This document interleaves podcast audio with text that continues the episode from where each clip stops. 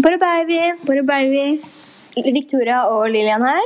Vi skal snakke om joik og Live Aid. Vi starter med joik, og da samenes kamp for plass i Norge. Så Lillian, hva er joik? Jo, joik er da en slags sang som er veldig viktig for samenes identitet. Eh, Og mange har, samer har sin egen joik. Den kan ofte da fortelle en historie om hvem du er, og hvilken familie du kommer fra. Og det her kalles da personjoik. Det finnes også naturjoik. Og det er også mange som, eller Før hvert fall var det veldig populært å bruke joiken til å flørte. At eh, populære jenter fikk liksom joik i gave av gutter da, som likte jentene. Og at flere av guttene lærte seg liksom joikene og joiket dem på markeder og andre eh, steder. Da, sånn for å imponere og flørte med jentene. Mm.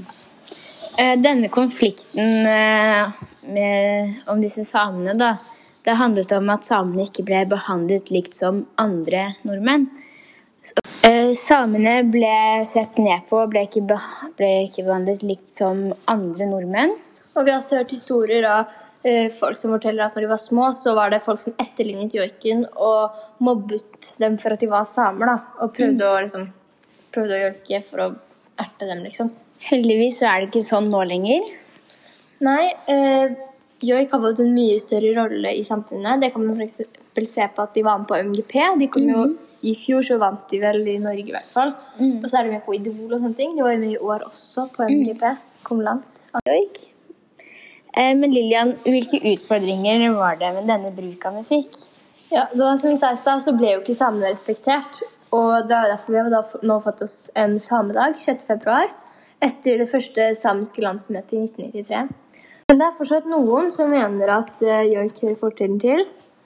Um, mens det er mange som uh, Og så er det mange som mener at uh, man er med på å ødelegge og utvanne det dyrebare kulturarvet ved å lære andre samer å joike.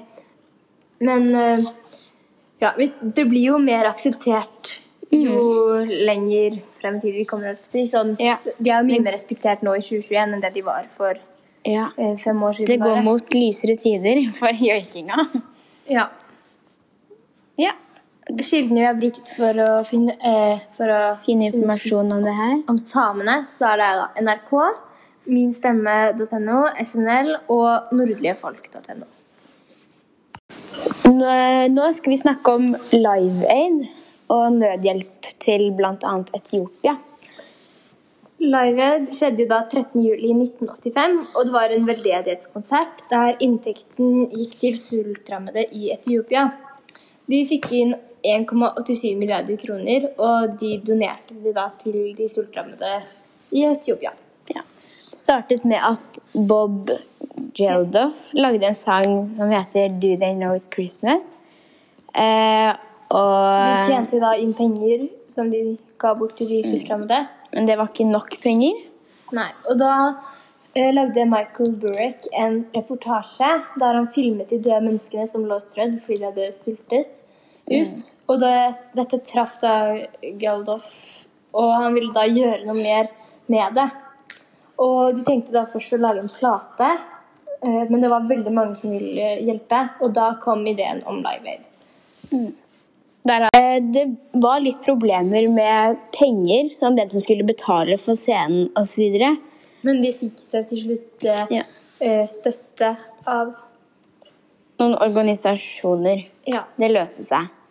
Og Live Aid ble da verdens mest vellykkede veldedighetskonsert, siden, og bare Queen i seg selv fikk samlet inn én million, million dollar. Mm.